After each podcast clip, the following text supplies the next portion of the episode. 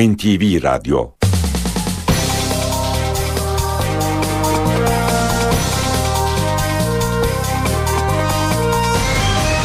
İşe Giderken Mutlu sabahlar. Ben Aynur Altunkaş. Bugün 28 Şubat Perşembe. İşe giderkenle karşınızdayız. Bugün de saat 9'a kadar birlikte olacağız. Türkiye ve dünya gündemindeki gelişmeleri, gazete manşetlerini, piyasa verilerini, yol ve hava durumlarını aktaracağız. Önce gündemin öne çıkan başlıklarına bakalım.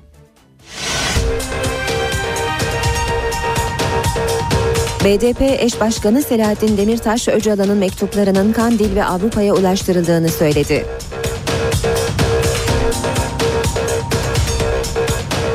28 Şubat'ın yıl dönümünde dönemin askerlerinden emekli orgeneral Erdal Ceylanoğlu ve emekli tüm general Yücel Öztür tutuklanarak cezaevine konuldu.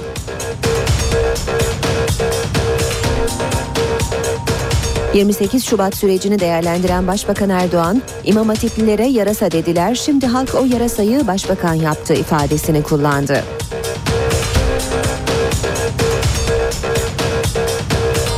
Tam gün yasasındaki değişiklik için Sağlık Bakanı Mehmet Müezzinoğlu ile bir araya gelen YÖK Başkanı Gökhan Çetinsay'a toplantıdan umutlu ayrıldığını söyledi.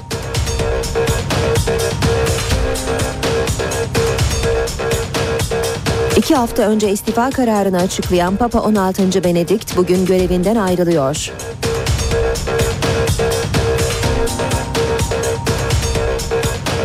Fenerbahçe Ziraat Türkiye Kupası maçında 1461 Trabzon'a sahasında 3-2 yenildi. Grubu lider tamamlayan Fenerbahçe yarı finalde Eskişehir Spor'la eşleşti.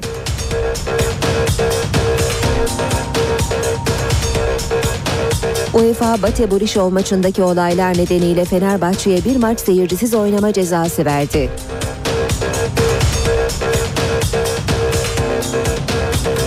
UEFA'dan Galatasaray'a sevindirici haber geldi. Schalke 04'ün Drogba'nın lisansının usulsüz olduğu iddiası ile ilgili yaptığı başvuru reddedildi. İşe giderken gazetelerin gündemi.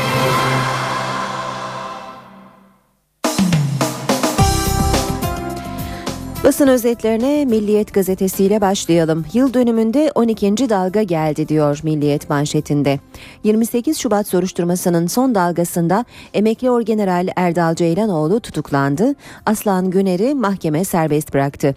Postmodern darbe olarak bilinen 28 Şubat sürecinin 16. yıl dönümünde yıl dönümüne bir gün kala yeni gözaltılar yaşandı. Sincan'da tankların yürütüldüğü dönem zırhlı birlikler komutanı olan eski Kara Kuvvetleri Komutanı Erdal Erdal Ceylanoğlu ve Hayrunisa Gül'ün elini sıkmayan eski Genelkurmay Başkanı Aslan Güner'le birlikte bir muvazzaf subay 5 kişi gözaltına alındı. Şüpheliler şüphelilere Sincan'da tankların yürütülmesi ve Batı Çalışma Grubu'nun faaliyetlerine dair sorular yöneltildi. Ceylanoğlu tankların geçişi için Genelkurmay Başkanı, Kara Kuvvetleri Komutanı ve EDOK Komutanı'nın emrinin gerektiğini açıkladı. Mahkemeye çıkarılan Ceylanoğlu ile emekli tüm general Yücel Öztür tutuklandı. Orgeneral Aslan Güner ve iki emekli asker serbest bırakıldı. Milliyetin sür manşeti İmralı zabıtları başlığını taşıyor. BDP'li Pervin Buldan, Sırrı Süreya Önder ve Altantan'ın ziyaretinde PKK'nın çekilme takviminden başkanlık sistemine kadar çok şeyin konuşulduğu belirtiliyor bu özel haberde. Çekilme parlamento kararı ile olacak habere göre meclis onaylayacak, hakikat komisyonu kurulacak, köylere dönüş olacak. Bunları yapmazlarsa çekilme olmaz. Süreç başarısız olursa apı öldü diyeceksiniz. Ben yokum. BDP ve PKK'nın beni kullanmasına izin vermem. Milliyet gazetesinin özel haberinde yer alan ifadeler. Devam edelim. Milliyetin ardından Sabah gazetesine bakalım. Çözüm 1924 Anayasası diyor manşeti Sabah'ın. Kürt sorununun Türkiye'nin üniter devlet yapısı içinde çözüleceğini belirten Cumhurbaşkanı Gül, eşit vatandaşlık bu işi rahatlatır dedi. Başbakan e, Cumhurbaşkanı Abdullah Gül'ün açıklamalarının ayrıntılarını görüyoruz sabahın haberinde. Şiddet karşısında sıkışan pazarlığa oturur. Türkiye'de böyle bir durum yok. Hedef demokratik standartları yükseltmek. Modern ülkeler nasıl çözmüşse biz de öyle çözmeliyiz. Farklı anayasalar incelenmeli. 1924 Anayasası'nda iyi bir tarif var. Oradaki vatandaşlık tanımı farklılıkları tanıyor. Cumhurbaşkanı Gül'ün açıklamalarını Hürriyet de görüyoruz vicdanla çözülür başlığıyla Cumhurbaşkanı Abdullah Gül Kürt meselesinde geçmişin bazı yanlışlarının bugün maliyeti ödenmektedir diyerek barış süreci için önemli mesajlar verdi. Geçmişte birçok yanlışlar vardır. Demokratik standartların yükseltilmesiyle bu problemlerin kalkacağına inanıyorum vicdan unsuru var bir de hepimizin vicdanı olması gerekir dedi Cumhurbaşkanı Gül. Hürriyet'in manşeti Esma sen de annesin. Suriye'de 191 gündür kayıp olan televizyon muhabiri Beşar Fehmi Kadumi'nin eşi Arzu Kadumi, Suriye Devlet Başkanı Beşar Esad'ın eşi Esma Esad'a bu sözlerle seslenmiş. Yataklı vagon rahatsız etti. Gençlik ve Spor Bakanı Suat Kılıç bir süre önce başlatılan Gençlik Treni projesinde kız erkek ayrımı yaptıklarını açıkladı. Bakan Kılıç çocuklar geceyi trende geçiriyor. Tüm kompartmanlar arasında geçişin müsait olduğu bir trende ben bunun güvenliğini sağlayamam. Gençlik kamplarında, gençlik trenlerinde, gençlik etkinliklerinde kız ve erkek gençlerimizi ayrı ayrı dönemlerde kamplara almaya başladık dedi. Devam edelim basın özetlerine Vatan Gazetesi'ne bakalım. E, eşit vatandaş bu işi çözer. Yine Cumhurbaşkanı Gül'ün açıklamalarını görüyoruz manşette vatanda da. Gül Kürt sorunu ve yeni İmralı sürecini değerlendirdi. Önemli açıklamalar yaptı. 1924 Anayasası'ndaki tarif aslında iyi bir tarif. Türkiye'de din ve ırk ayırt edilmeksizin vatandaşlık bakımından herkese Türk denir. Çünkü Türkiye'de farklı olanları tanıyor ama maalesef uygulama ters olmuş, iş sıkıntılı hale gelmiş, eşit vatandaşlık bu işi rahatlatacaktır diyor Cumhurbaşkanı Gül. Tankları bakım için yürüttüm. 28 Şubat'ın son dalgasında Sincan'da tankları yürüten Erdal Ceylanoğlu tutuklandı. Emekli Orgeneral kendini bu sözlerle savunmuş. Ceylanoğlu tankların yürütüldüğü gün izinli olduğunu söyledi. Savcı fotoğrafları gösterdi. Önce hatırlayamadım dedi. Sonra ekledi. Güzergahta yol bakımı vardı. O yüzden bu yolu seçtim dedi. Devam edelim e, basın özetlerini ne Vatan Gazetesi'nden e, yine bir haber aktaralım. Fenerbahçe'ye 1, Miraleş'e 3 maç. UEFA seyircisiz Bate Borisov maçında sahaya paraşütle atılan havai fişekler nedeniyle Fenerbahçe'ye bir maç seyircisiz oynama cezası verdi. İlk maçta kırmızı kart gören Raul Miraleş iki maç daha yok. Devam ediyoruz haberlere. Cumhuriyet gazetesine bakalım. Gülen'in gizli bağları diyor Cumhuriyet manşetinde. MIT'in meclis komisyonuna gönderdiği belgelerde CIA ve ülkücülerle ilişkileri yer alıyor. MIT'ten darbeleri araştırma komisyonuna gönderilen raporlarda halen Amerika'da bulunan Fethullah Gülen için CIA'nin yan kuruluşu olan Ulusal Demokrasi Vakfı'nın ön ve Orta Asya ayağı olarak işlev görmektedir denildi demiş Cumhuriyet haberinde. Kamuda toplu direniş, keske bağlı BES ve Türk Kamu Sene bağlı Türk Bürosen hükümetin emekçilerin fazla mesai, ikramiye gibi kazanılmış hakları kaldırmasını yurt genelinde iş bırakarak protesto etti. Ankara'da Güven Park yanında toplanan emekçiler iş güvencesinden asla vazgeçmeyeceğiz vergide ücrette adalet için ek ödemelerin emeklilik maaşına fazla mesailerin temel ücretlere dahil edilmesi için grevdeyiz. Ana pankart arkasında Kumru Kumrular Caddesi üzerinden Maliye Bakanlığı'nın önüne yürüdü. Emekçiler yeni başbakanlık binası önünden geçerken ıslıklarla protesto ettikleri hükümeti e, protesto etti diyor Cumhuriyet Gazetesi haberinde. Devam ediyoruz basın özetlerine Radikal gazetesine bakalım. Radikal'de ilaç gibi uzlaşma manşetini görüyoruz. Krizdeki Rumların umudu mal tazmin komisyonu. Güney Kıbrıs'taki ekonomik kriz Rumların mal tazmin komisyonuna rekor başvuru yapmasına yol açtı. Kuzey Kıbrıs'ta kalan mallar için kurulan ve Rum yönetiminin başvurmayın dediği komisyona son bir ayda 164 Rum vatandaşı başvurdu. 3 yıllık kriz döneminde başvuru sayısı 2600'ü aştı. Devam edelim yine Radikal'den okumaya. Kandil'de mektup zirvesi, Öcalan'ın mektubu Kandil ve Avrupa'ya iletildi. BDE Barış ve Demokrasi Partisi ve Demokratik Toplum Kongresi eş başkanlarıyla İmralı'ya giden Sırrı Süreyya Önder ve Altantan Kandil'de mektup zirvesi yapacak, diyor Radikal Gazetesi haberinde. Akşam gazetesine bakalım. Tam güne çare bulundu. Üniversite hastanelerinde tam gün yasaklarının yol açtığı kan kaybı durduruluyor. Başbakanlık, Sağlık Bakanlığı ve YÖK'te 3 ayrı komisyon rapor hazırlıyor. İşte masadaki formül diyor. Akşam iki ayağı var haberin. Hocalar e, ancak mesai saatleri dışında muayenehaneye gidebilecek. Saat 17'ye kadar fakültede ders verecek. Hasta bakıp ameliyatlara girecek. İkinci ayaksa muayenehaneler sistemin içine alınacak. Bütün gelir döner sermaye üzerinden işleyecek. Denetleme yetkisi üçüncü tarafta olacak. Kandil'e elden teslimat başlığını akşamda da görüyoruz. İmralı'dan gelen mektuplar Kandil ve Avrupa'da Öcalan'ın çözüm taslağı olarak kaleme aldığı mektubu Kandil'e Sırrı Süreyya Önder ve Aysel Tuğlu'nun da içinde bulunduğu heyet götürdü diyor. Akşam gazetesi haberinde. Devam edelim basın özetlerine Habertürk'e bakalım. Habertürk'te yarasa dediler başbakan oldum başlığı manşette. 16. yılda 28 Şubat yorumu Başbakan Erdoğan'dan Erdoğan Viyana'da konuştu. İmam Hatiplilere yarasa dediler. Bu millet yarasayı başbakan yaptı. Parya denilenler ülke yönetiyor dedi Başbakan Erdoğan. Ceza paraşütle indi. UEFA'dan ürperten ceza. İki yıl içinde bir tribün vakası daha yaşanırsa Fenerbahçe bir yıl Avrupa dışı kalacak. UEFA Fenerbahçe'ye Kadıköy'de seyircisiz oynanan son bate maçında sahaya stat dışından yağan paraşütlü fişekler için ağır fatura kesti. Fener'e bir yıl Avrupa'dan men cezası verildi. Karar iki yıl ertelendi. Kanarya ayrıca bir maçta daha seyircisiz bırakıldı. Miraleş de üç maç ceza aldı.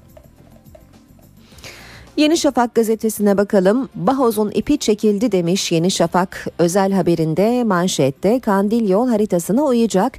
Kandil İmralı'nın yol haritasına uyma kararı aldı. Örgüt Nevruz'da ateşkes ilan edecek. 15 Ağustos'ta ise sınır dışına çıkacak e, iddiası var Yeni Şafak'ın manşet haberinde.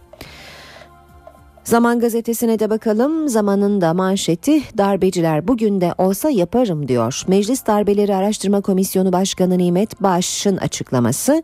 Komisyon çalışmaları çerçevesinde birçok darbeciyi dinledik. Hiçbirinde en küçük pişmanlık duygusu göremedim. Darbeciler içinde insan ve millet olmayan devlet kavramını kutsallaştırarak hareket ettiler. Bir başlık daha aktararak bitireceğiz bu bölümü. Cihaz okumasa da HGS'li araca ceza kesilmiyor. PTT Genel Müdürü Osman Tural hızlı geçiş sistemi etiketi alan ancak okutmadan köprü ve otoyollardan geçen sürücülere cezai işlem uygulanamayacağını söyledi. Mevcut sistemin satın alınan etiketle aracın kamerayla çekilen plakasını eşleştirdiğini belirten Tural, sistemin plaka üzerinden etiket kontrolü yaptığını dile getirdi ve etiket varsa ceza yok ücreti otomatikman düşülüyor diye konuştu. Etiketi olmadan geçenlere ise 165 lira ceza kesiliyor.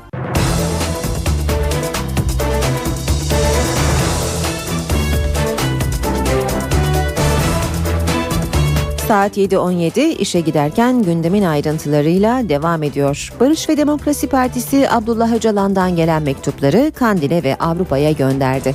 Mektupların gönderilmesinin ardından görüş alışverişi için BDP milletvekili Sırrı Süreyya Önder Kandil'e gitti. Müzakere amacıyla Avrupa'ya gidecek isimse BDP Grup Başkan Vekili Pervin Buldan. Buldan'ın bu sabah Brüksel'e gideceği öğrenildi. Ancak mektupları Kandil ve Avrupa'ya kimin götürdüğü henüz belli değil. Eş Başkan Selahattin Demirtaş mektupları götüren isimleri vermedi. Kandil'e mektubu ulaştıran kişinin Sırrı Süreyya Önder olduğu iddiasını da yalanladı. Demirtaş mektupları ileten kişiler arasında milletvekili var mı sorusunu ise mektupları götürme çalışmasını milletvekilleri üzerinden yapmadık. Bize yardımcı olabilecek arkadaşlar üzerinden mektupları ilettik şeklinde cevapladı. Ayrıca aralarında Selahattin Demirtaş, Aysel Tuğluk ve Gültan Kişanağ'ın da yer aldığı 6 kişilik BDP'li bir grup bugün Kandil'e gidecek. Abdullah Öcalan'ın yazdığı mektubun içeriği günlerdir tartışılıyor. Ancak içerik kadar mektuba verilecek yanıt da önemli. Hükümete yakın kaynaklara göre Öcalan'ın yazdıkları ile ilgili yorum yapmak için erken. Mektup taslak niteliğinde görülüyor. Mektubun içeriğinin Kandil, BDP ve Avrupa'dan gelecek yeni görüşlerle kesinleşeceği tahmin ediliyor. Bu süreç için tarih şöyledir veya böyledir demek mümkün değil. Ama hükümet olarak, iktidar olarak en kısa zamanda böyle bir çözüm sürecinin başlaması beklentimizdir. Gayretimiz bu istikamettedir ve temennimiz odur ki çok kısa bir zaman içerisinde netice alırız ve sınırı terk başlar. Hükümet Öcalan'ın metninin taslak olduğu görüşünde. BDP, Kandil ve Avrupa kanadından gelecek itiraz ve öneriler doğrultusunda tam şeklini alacağı öngörülüyor. Kandil ve Avrupa'dan gelecek cevaplar BDP heyeti tarafından Öcalan'a iletilecek. Öcalan'ın belirleyeceği nihai metin ortaya çıktığında hükümetin süreç konusundaki tavrının da netleşmesi bekleniyor. BDP Öcalan'a verilecek cevaplar için Demokratik Toplum Kongresi'nden de görüş alacak. Süreç içinde hükümetten de bazı adımların gelebileceği düşünülüyor. Ankara kulislerindeki beklentiler arasında hükümetin Avrupa yerel yönetimler şartına getirdiği şerhlerin Mayıs ayında kaldırılabilmesi de var. Süreçle ilgili bir beklenti de PKK'nın elinde rehin tutulan kamu görevlilerinin serbest bırakılması.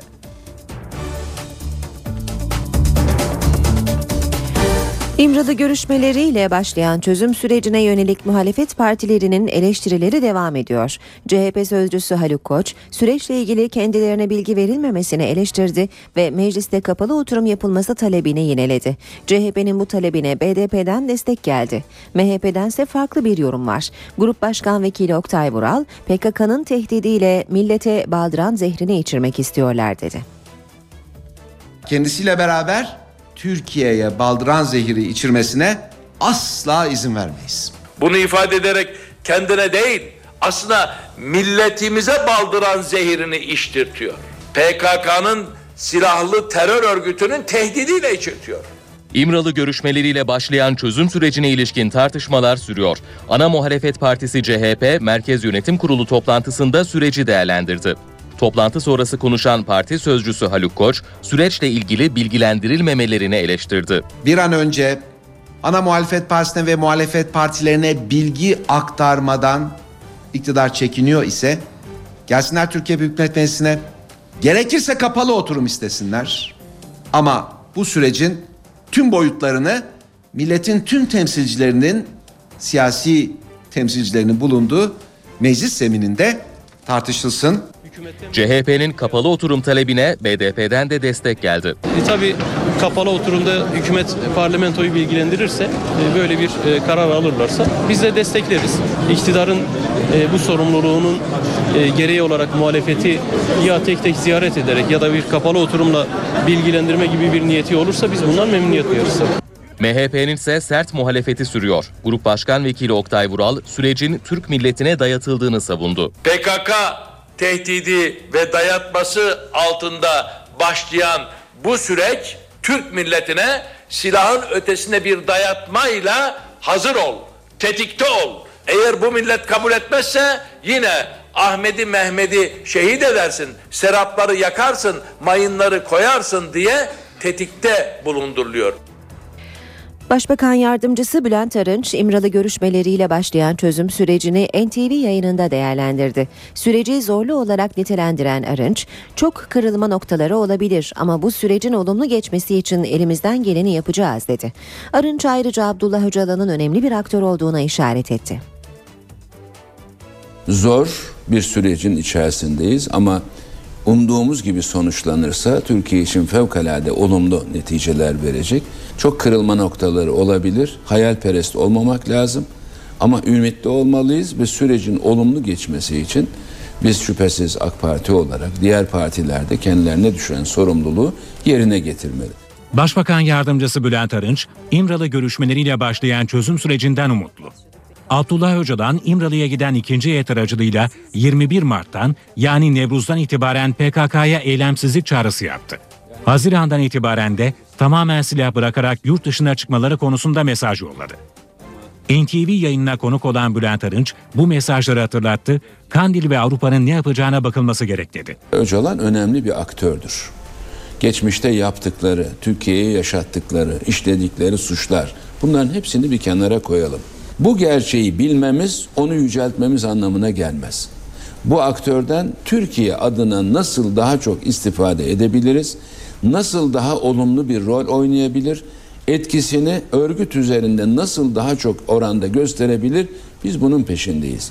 Akılcı siyaset yapıyoruz. Başaramazsak Türkiye daha acı şartlarda terörün yanısını, yanığını içinde hissetmiş olacak. Öcalan'ın sözlerine ve telkinlerine karşı Kandil'in ne yapacağına bakmamız lazım. Kandil'le bağlantılı Avrupa kanadının ne söyleyeceğine bakmamız lazım. İmralı görüşmelerini MIT'in yürüttüğünü hatırlatan Arınç, ileride başbakan veya MIT yetkililerinin diğer siyasi parti liderlerini sürece ilişkin bilgilendirebileceğini söyledi. Başbakan ne takdir ederse onu yapar. Yani isterse kendisi yapabilir, isterse MİT müsteşarına görev verir. Başbakan yardımcısı milliyetçilik polemiğini de değerlendirdi, yeni anayasa çalışmalarına atıfta bulundu. Her şeyin Türk olmasını isteyen, her şeyi Türklükten ibaret gören, her şeyi Türkiye göre dizayn etmeye çalışan ve hatta onların kafatası ölçülerinin ne olması gerektiğini zamanında kurulan enstitülerle adeta bilimsel hale getiren bir anlayışı reddetmemiz lazım. Eğer Türkiye'de Türk kelimesi herkesi kapsayan bir nokta olmaktan çıkmışsa buna rağmen Türkçülüğe devam edemeyiz. Cumhurbaşkanı Abdullah Gül ise İmralı ile görüşme sürecine ilişkin iyi şeylerin olmasını arzu ettiğini söyledi.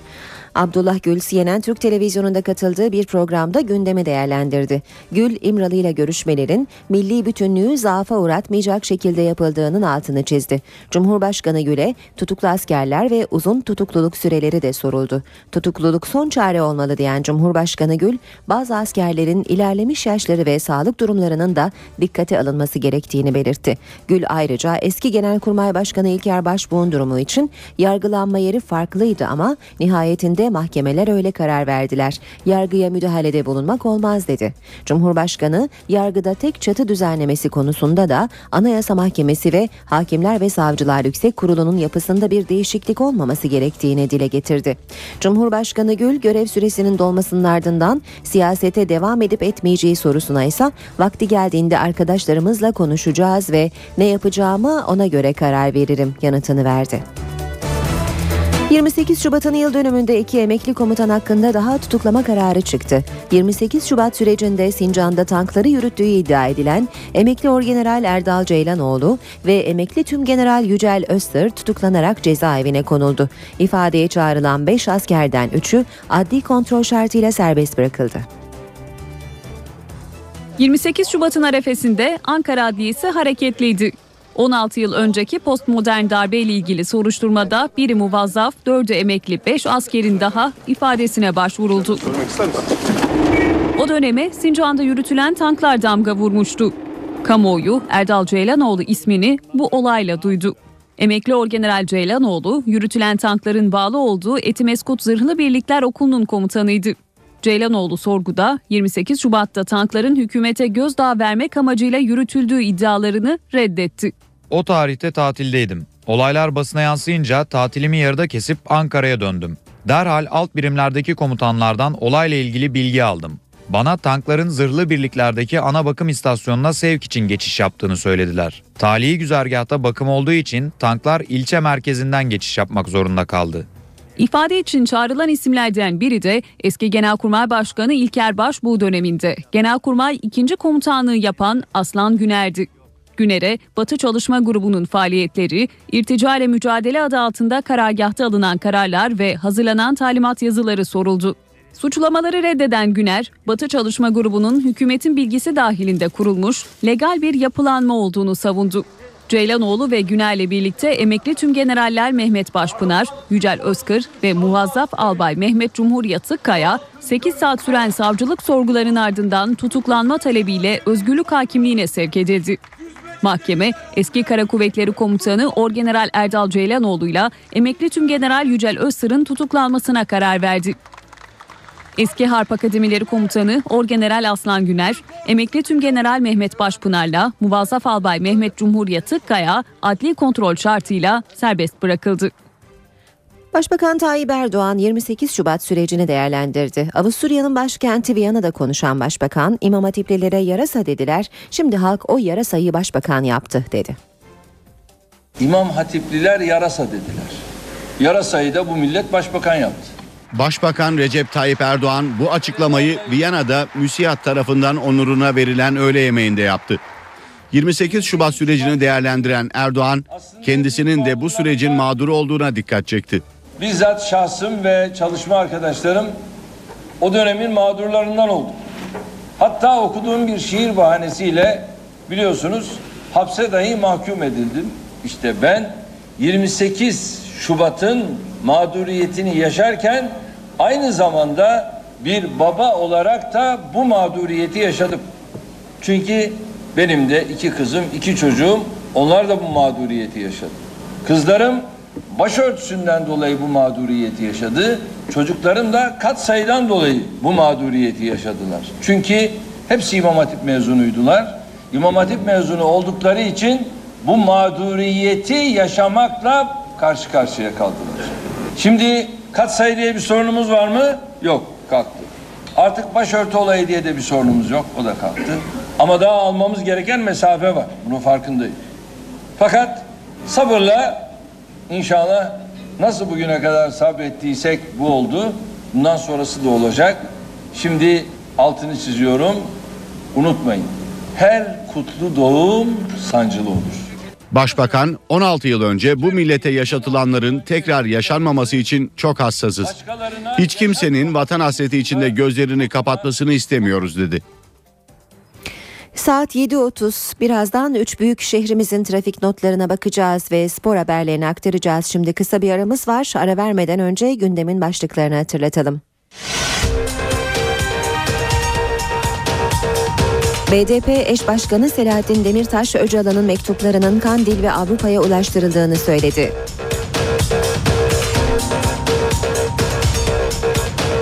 ...28 Şubat'ın yıl dönümünde dönemin askerlerinden emekli orgeneral Erdal Ceylanoğlu ve emekli tümgeneral Yücel Öztır tutuklanarak cezaevine konuldu.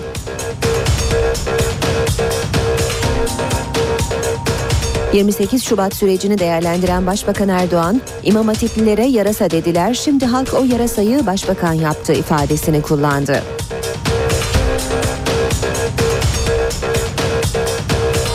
Tam gün yasasındaki değişiklik için Sağlık Bakanı Mehmet Müezzinoğlu ile bir araya gelen YÖK Başkanı Gökhan Çetinsay'a toplantıdan umutlu ayrıldığını söyledi.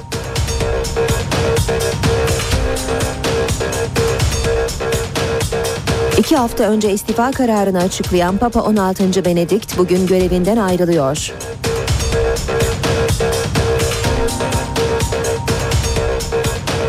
Fenerbahçe Ziraat Türkiye Kupası maçında 1461 Trabzon'a sahasında 3-2 yenildi. Grubu lider tamamlayan Fenerbahçe yarı finalde Eskişehir Spor'la eşleşti.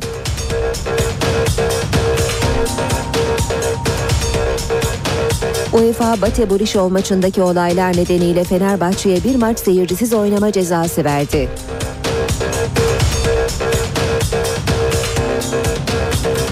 UEFA'dan Galatasaray'a sevindirici haber geldi. Schalke 04'ün Drogba'nın lisansının usulsüz olduğu iddiası ile ilgili yaptığı başvuru reddedildi.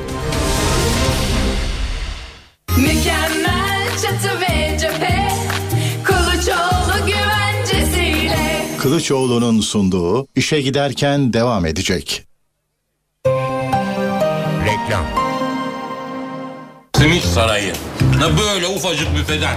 Böyle bir dev organizasyona nasıl dönüştü, nasıl oldu bu iş ya? Kadir abi bir simidi de bir milyon simidi de aynı tazelikte sunarak oluyor. Nasıl oluyor bu iş yani, nasıl ya? Bu işin sırrı teknolojide. Ne alakası var teknolojiyle bunun ya? Allah ona ben bakmıyorum abi. O işe Türksel bakıyor. O işe Türksel bakıyor. O işe Türksel bakıyor. Bildiğin Türkmen bu işe mi bakıyor? Türksel'in akıllı araç takip sistemi diye bir şey var. Bilgisayardan simit taşıyan araçların nereye gittiğini, ne zaman gittiğini, ısısını, her şeyini buradan takip ediyoruz. Tazeliği böyle sağlıyoruz. Ama bu çok pahalıdır babacığım. Abi kazandırdıklarının yanında maliyeti senin simidindeki bir susam. Sen şimdi ticaretin sırrını verdin bana. Ha? 532'yi arayın. Türksel akıllı aracı siz de kullanmaya başlayın. İşinizi teknoloji büyütsün, teknoloji işinize Türksel baksın. İşinize Türksel gücü. Reklam. Kamu spotu. Emniyet şeridini boşaltın. Acil durumlar dışında emniyet şeridini işgal etmeyin. Bir gün emniyet şeridine sizin de gerçekten ihtiyacınız olabilir. Hayata yol ver. Trafik hayattır.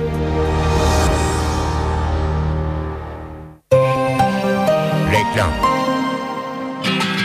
Bolero, Mambo, Rumba. Biz geldik Küba.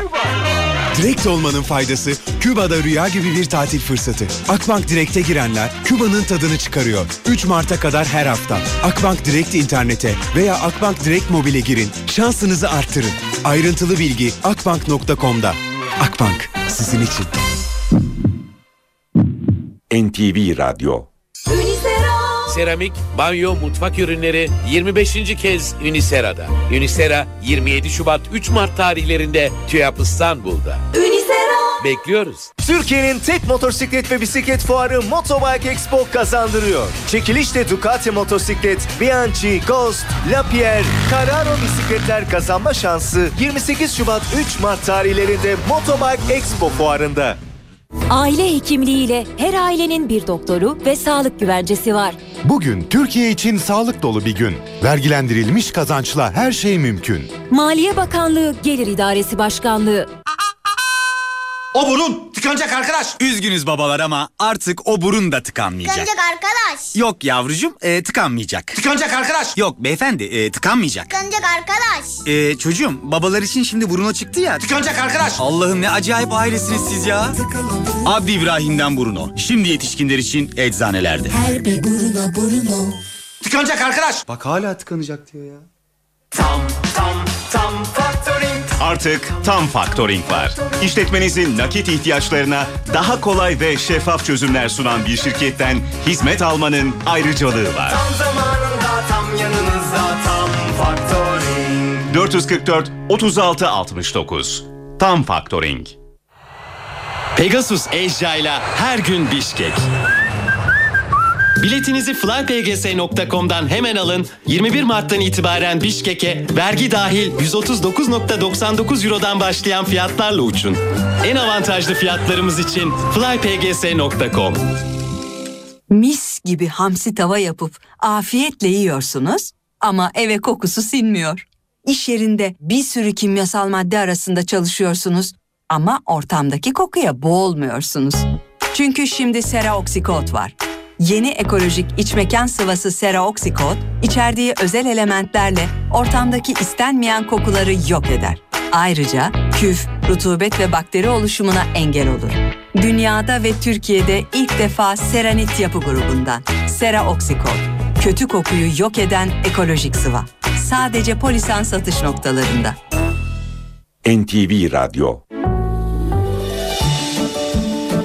Yıllar da geçse akıllardan çıkmayan o nefis tatlar Yorsan'da. Yersan, yersan, yersan. Reklam NTV Radyo Mükemmel çatı ve cephe. Kılıçoğlu güvencesiyle. Kılıçoğlu'nun sunduğu işe giderken devam ediyor.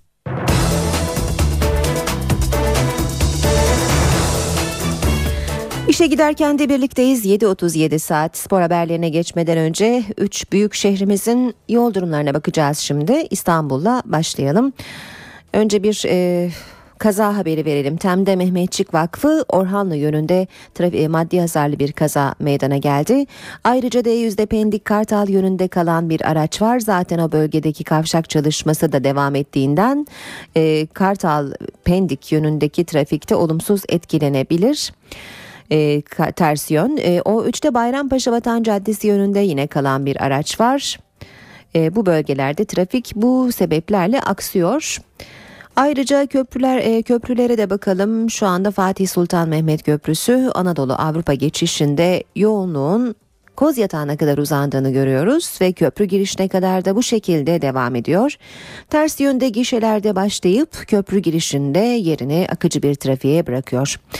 Tem otoyolunda köprü yönünde yine yoğun bir trafik var. Kemerburgaz ayrımıyla başlıyor. Yoğunluk Maslak kavşağından sonra rahatlıyor. Edirne istikametinde Metris İstoç arası yoğun seyrediyor. Ayrıca e, Gazi Osman Paşa Akşemsettin Viyadüğü arası da yoğun.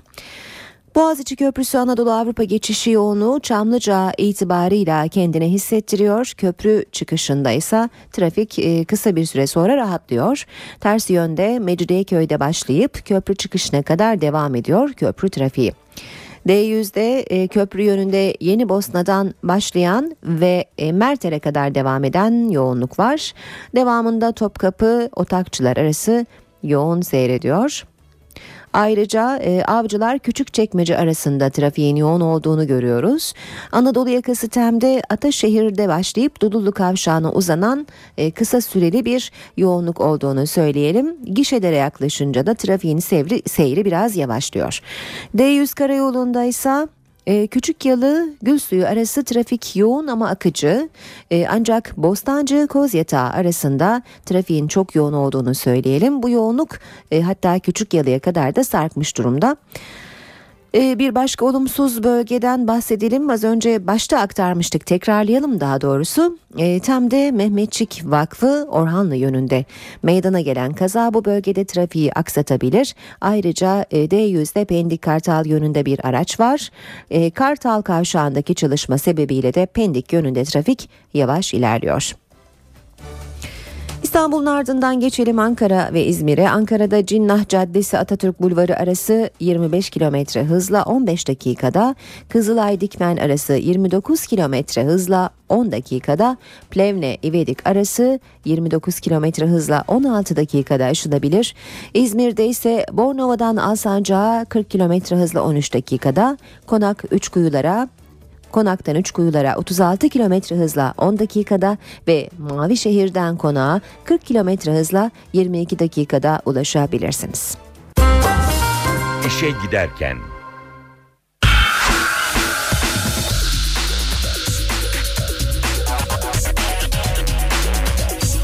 Spor sayfaları.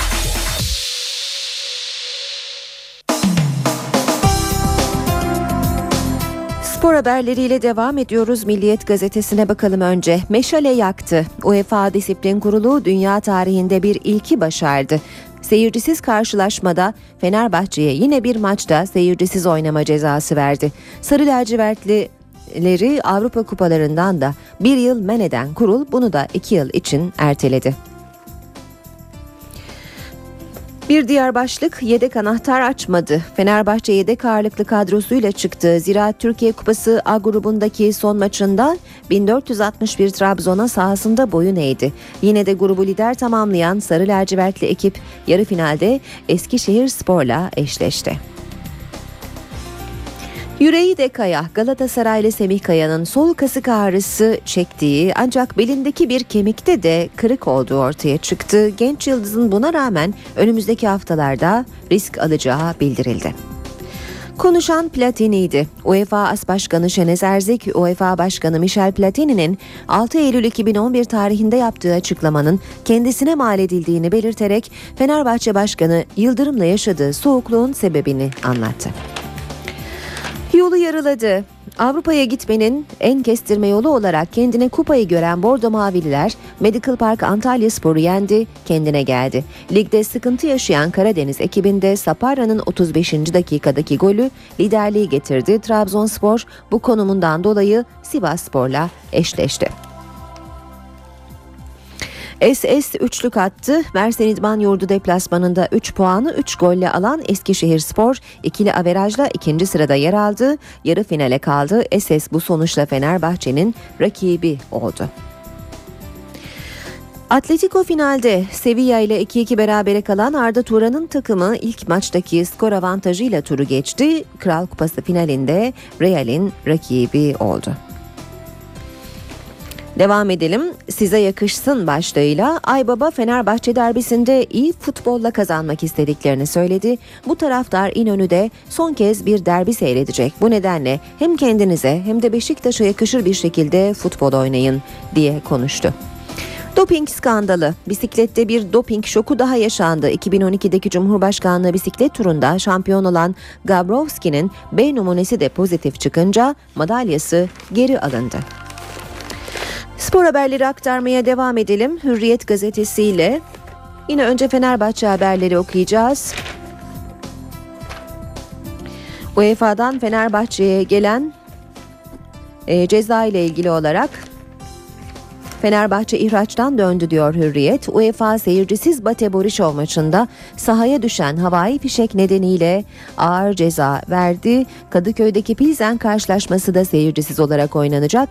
Fenerbahçe Avrupa kupalarından bir yıl men edildi. Sonra bu ceza iki yıl ertelenip bir maç seyircisize, çev- seyircisize çevrildi. Ancak iki yıllık süre içinde benzer bir saha olayı daha yaşanırsa Fener bir yıl Avrupa'da oynayamayacak. Miraleş'e kırmızı kart nedeniyle 3 maç gelirken Sarı Lacivertli kulüp ayrıca 60 bin euro para cezası aldı. Kocaman rotasyonda Krasic şans buldu. Sarı lacivertli teknik adam kupadaki son grup maçına çok farklı bir 11 sürdü diyor haber. Ustalarının yapamadığını uşaklar yaptı 3-2 başlığıyla devam edelim. Sarı lacivertler bu sezon kupadaki ilk yenilgisini aldı.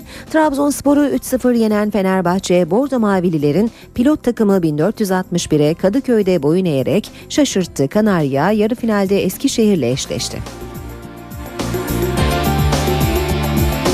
Ziraat Türkiye Kupası haberleriyle devam edelim. Fırtına yarı finale esti. Antalya'yı mağlup eden Trabzonspor kupada B grubunu lider bitirdi. Bordo Maviller rakibine çok pozisyon verdiği ve e, ölüp ölüp dirildiği maçta Güney ekibini Sapara'nın golüyle devirdi. İlk yarı Selutska'nın ikinci devre ise İbrahim Dağaşan'ın şutları direkten döndü.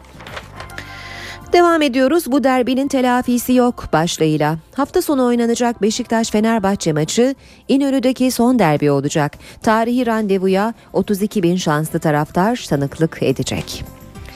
Fenerbahçe'ye gol atmak keyif olacak. Yeni Beşiktaş'ta Niang derbi maçı öncesi eski takımına göndermede bulundu. Arkadaşlarım benden sürekli derbi için bilet istiyor. Senegalli yıldız futbolcu sarı lacivertli takımın oyun sistemi ve defansındaki önemli zaafları çok yakından tanımanın kendisi için büyük bir avantaj olduğunu ifade etti.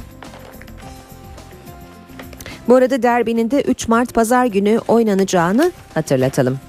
Bu sözler e, bu sözler yazıklar olsun ikinci yarıda daha kötü yönetiminize devam edin hakaret. Bu sözler sana bu raporu yazdırmayacağım, sana bu zevki yaşatmayacağım hoca tehdit diyor Hürriyet gazetesi başlığında.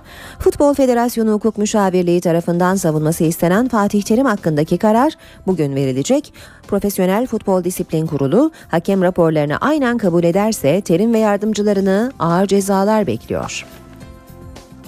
İşte yeni kurban başlığı dikkat çekiyor. Beşiktaş-Fenerbahçe karşılaşmasında hakem Mete Kalkavan düdük çalacak. İlk kez bir İstanbul derbisine atandı. Pazar günkü maçı genç hakem yönetecek. Özkahya ve Özkalfa'nın derbilerde yaşadıkları Kalkavan'ı da zor bir görevin beklediğinin işareti diyor Hürriyet gazetesi haberinde. Bitiriyoruz böylece spor haberlerini işe giderken devam edecek. Türkiye ve dünya gündemine yakından bakalım.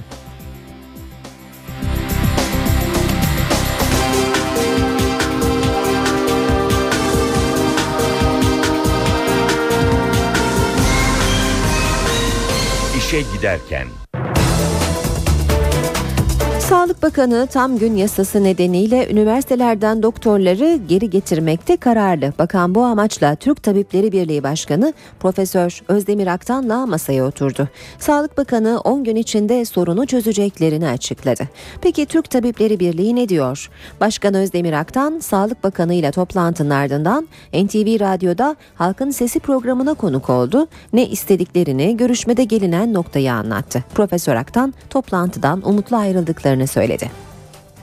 Sayın Bakan bir işbirliğine hazır olduğunu ve bu işbirliği içinde istekli olduğunu kendisi de söyledi ve e, hakikaten bunu da konuşmalarıyla belli etti. Dolayısıyla bu açıdan baktığımız zaman daha iyi bir e, işbirliğiyle bir takım sorunların çözülebileceği bir dönem e, için adım attığımız izlenimini aldık bugün toplantının sonunda. Profesör Aktan performans sistemine de itirazlarını sıraladı. Bu sistemin asistan doktorlar için verimli olmadığını, ayrıca hasta doktor ilişkisini de bozduğunu belirtti. Tam günü e, bir muayenehane işi olarak da görmemek lazım. Çünkü e, zaten muayenehanesi olan hekim sayısı çok az. Ama hekimler bunu bir özgürlük alanı olarak görüyorlar. Yani gün gelip benim bir ikinci seçeneğim olsun. Hani belki ömür boyu hiç özel hastanede çalışmam, hiç muayenehanem olmaz ama Hani böyle bir e, hakkın elimde olması beni rahatlatır. Bunu yani tam günü değerlendirirken iki tarafı birden gözeterek bir adım atılması gerektiğini Sayın Bakan'a iletmiş oldum. NTV Radyo'da Halkın Sesi'nde dün Türk Tabipleri Birliği Başkanı Özdemir Aktan bunları söyledi. Ardından söz dinleyicilere verildi. İşte halkın tam gün yasası için düşünceleri. Ben Bodrum'dan Ufuk Amasyalıoğlu. Tam gün yasasını destekliyorum. Doktorlarımız keşke yani devlet hastanesinde geri dönüş yapıp orada halka daha güzel hizmet verseler. Antalya'dan arıyorum isim Engin. Mevcut yasada bir dönem muayenehanelerini ticarethane gibi görüp hastaları birer müşteri gibi görüp e, davranan doktorların sıkıntılarından kaynaklanan kötü yaklaşımlardan kaynaklanan sonuçların e, bugüne bugüne getirdiği kanaatindeyim durumları. İsmim Meral. Ben tam gün yasası taraftarı değilim. Bu insanlar sonuçta kolay yetişmiyor. Hayatlarının sonuna kadar neredeyse okuyorlar. Dolayısıyla tam gün yasasının iptal olmasını destekleyenlerden birisiyim. Yeni Sağlık Bakanı'nı destekliyorum. Daha olumlu bir insan olduğunu düşünüyorum diğerine göre. Ve ortak bir noktada buluşurlarsa hepimizin sağlığı için. Çünkü bazı konular siyaset konusu yapılmaması gerekenlerden diye düşünüyorum. Birisi de bu. İstanbul'daki pilotlar çalıştayında uçuş ekiplerinin sorunları konuşuldu. Radyasyon ve uçaklara tutulan lazer ışınları pilotların gündemindeydi. Ayrıca çalışma saatlerinin yoğunluğu sebebiyle Türkiye'deki her 10 pilot ve kabin memurundan 9'unun yorgun olduğu belirtildi. Pilotlar İstanbul'da Çalıştay'da buluştu. Gündemde yaşadıkları sorunlar vardı. 10 pilottan 9'u yorgun. Her 10 e, hava trafik kontrolöründen 8'i yorgun.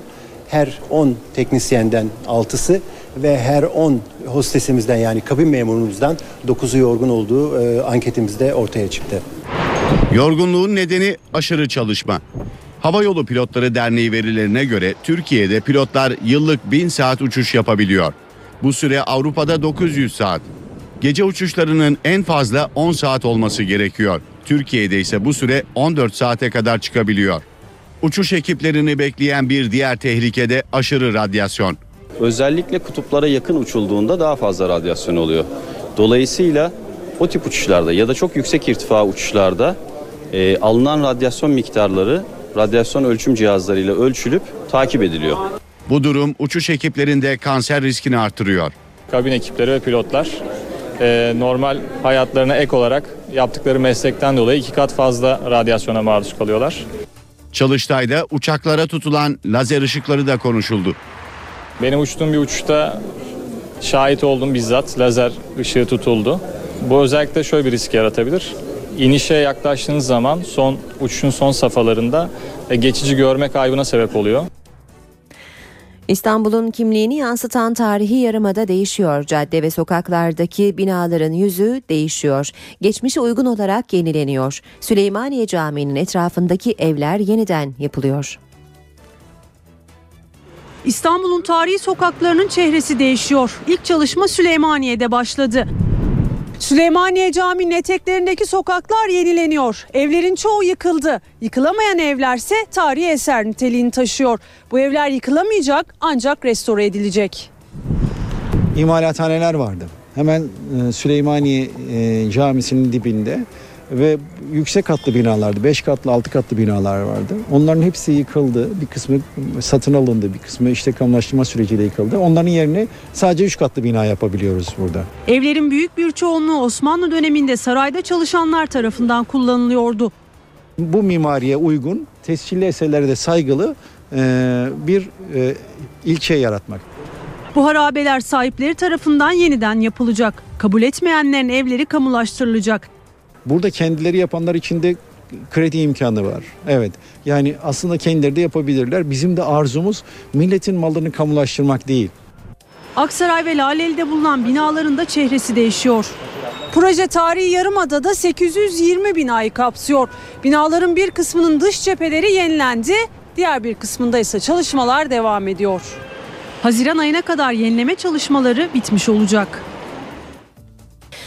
Dünyaca ünlü yazar Yaşar Kemal İstanbul'da Kabataş Erkek Lisesi'nde öğrencilerle buluştu. Usta edebiyatçıyı alkışlarla, çiçeklerle karşılayan öğrenciler bu eğitim döneminde Yaşar Kemal'in romanlarını okuyarak hazırlandıklarını, hazırladıkları gösteriyi sundular. Önce romanlarını Romanların resmedildiği sergi gezildi, sonra romanlardan bölümler okundu. Türkiye ve dünyadan Yaşar Kemal'le röportajlar izlendi. Bazı roman kahramanları da öğrenciler tarafından sahnede canlandırıldı. Öğrencileri ayakta alkışlayan Yaşar Kemal, onlara ümidim yoktu Türkiye'den ama siz varken ümidim oldu. Daha önce niye yazıyorum diyordum, şimdi yine yeni romanlar, iyi romanlar yazacağım diye seslendi. Yaşar Kemal çözüm süreciyle ilgili gazetecilerin sorularını ise yanıtsız bıraktı. NTV Radyo Herkese yeniden günaydın. Ben Aynur Altunkaş. İşe giderken de az sonra hava tahminlerine bakacağız. Önce gündemin başlıklarını hatırlayalım. BDP eş başkanı Selahattin Demirtaş Öcalan'ın mektuplarının Kandil ve Avrupa'ya ulaştırıldığını söyledi.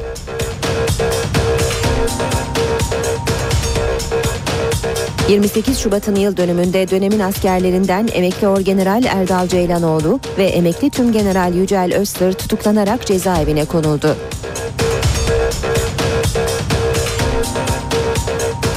...28 Şubat sürecini değerlendiren Başbakan Erdoğan... ...İmam Hatiplilere yarasa dediler... ...şimdi halk o yarasayı başbakan yaptı ifadesini kullandı.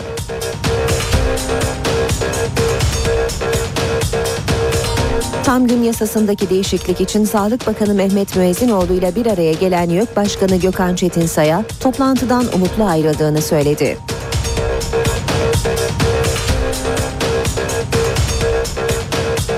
İki hafta önce istifa kararını açıklayan Papa 16. Benedikt bugün görevinden ayrılıyor.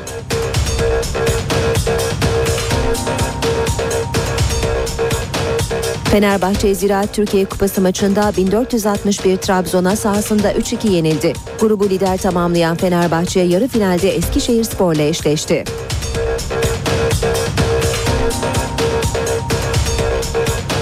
UEFA Bate Borisov maçındaki olaylar nedeniyle Fenerbahçe'ye bir maç seyircisiz oynama cezası verdi.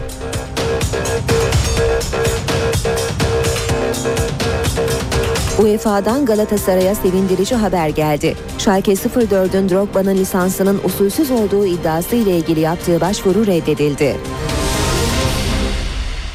Ve hava durumu için Gökhan Abur'la birlikteyiz. Sayın Abur günaydın. Günaydın. Bizi bugün nasıl bir hava bekliyor? Yine soğuk mu olacak? Evet Trakya'dan başlayarak hava bir hayli soğudu e, ve bu soğuk hava kuzey ve iç kesimlerde etkisi altına almaya başladı. Dolayısıyla hemen hemen şu anda e, kıyı Ege ve Batı Akdeniz dışında ülkenin büyük bir çoğunluğunda yağış var. Yağışlar birçok yerde şu anda yağmur şeklinde ama iç kesimlerde özellikle Niğde, Kayseri, Sivas arasında ilerleyen saatlerde bölgede kar etkili olacak. Doğudaki kar yağışları da giderek kuvvetleniyor. Karadeniz'de Batı Karadeniz bölgesinde aralıklarla yağış var ama Doğu Karadeniz bölgesindeki yağışlar giderek kuvvetlenecek. Özellikle Giresun, Trabzon, Rize, Artvin arasındaki yağışların bugün öğleden sonra ve gece saatlerinde daha da kuvvetlenmesini bekliyoruz. Bölge sakinleri dikkatli olmalı. Hemen batıya dönmek istiyorum çünkü rüzgarlar oldukça kuvvetli. Rüzgarın kuvvetli olmasıyla birlikte tabii hissedilen sıcaklık özellikle İstanbul'da oldukça düşük. Yağış bugün aralıklarla devam edecek. Hatta yer yer İstanbul'un bazı bölgelerinde kuvvetli olarak yağ yağacak. Ama yarın, yarın yağış beklemiyoruz. Yarın batı ve iç kesimlerde yağış yok ama doğuda yine kar yağışı devam edecek. Ee, cumartesi günü hafif bir yükseliş var sıcaklıklarda. Yani Akdeniz'de, Ege'de, kısmen Marmara'da bir 3-4 derecelik yükseliş bekliyoruz. Ama bu yükseliş çok uzun süreli değil. Çünkü pazar günü bu sefer daha soğuk bir hava Kırım üzerinden kuzey bölgeleri ve iç kesimler etkisi altına alacak. Önümüzdeki haftanın ilk günleri sıcaklıklar çok daha düşük değerlere inecek kuzey, iç ve doğu kesimlerimizde. Son derece değişken hava koşulları var demiştim. Ee, buna dikkat etmekte fayda var. İstanbul'da da hava çok çok soğuyacak. Ee, özellikle cumartesi pazar yağış beklemiyoruz ama pazardan itibaren e, bir hayli soğuma var. Ee, ve pazartesi günden itibaren soğuk hava daha da etkili olacak dedim fakat yeteri kadar dem olmadığı için batıda e, yağış beklemiyoruz fakat iç ve doğu kesimlerdeki yağışlar yer yer yoğun olmak üzere kar şeklinde devam edecek. Evet. Evet yeniden soğuk havanın etkisi altına girdik. Şubat'ın son günü ve Mart'ın başlangıcında. Başları evet. Teşekkür ediyoruz. Ben teşekkür Gökhan Abur bizimleydi.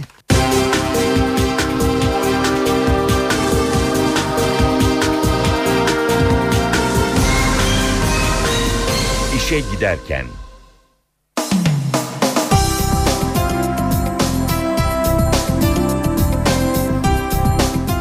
Şimdi basın özetleri var sırada.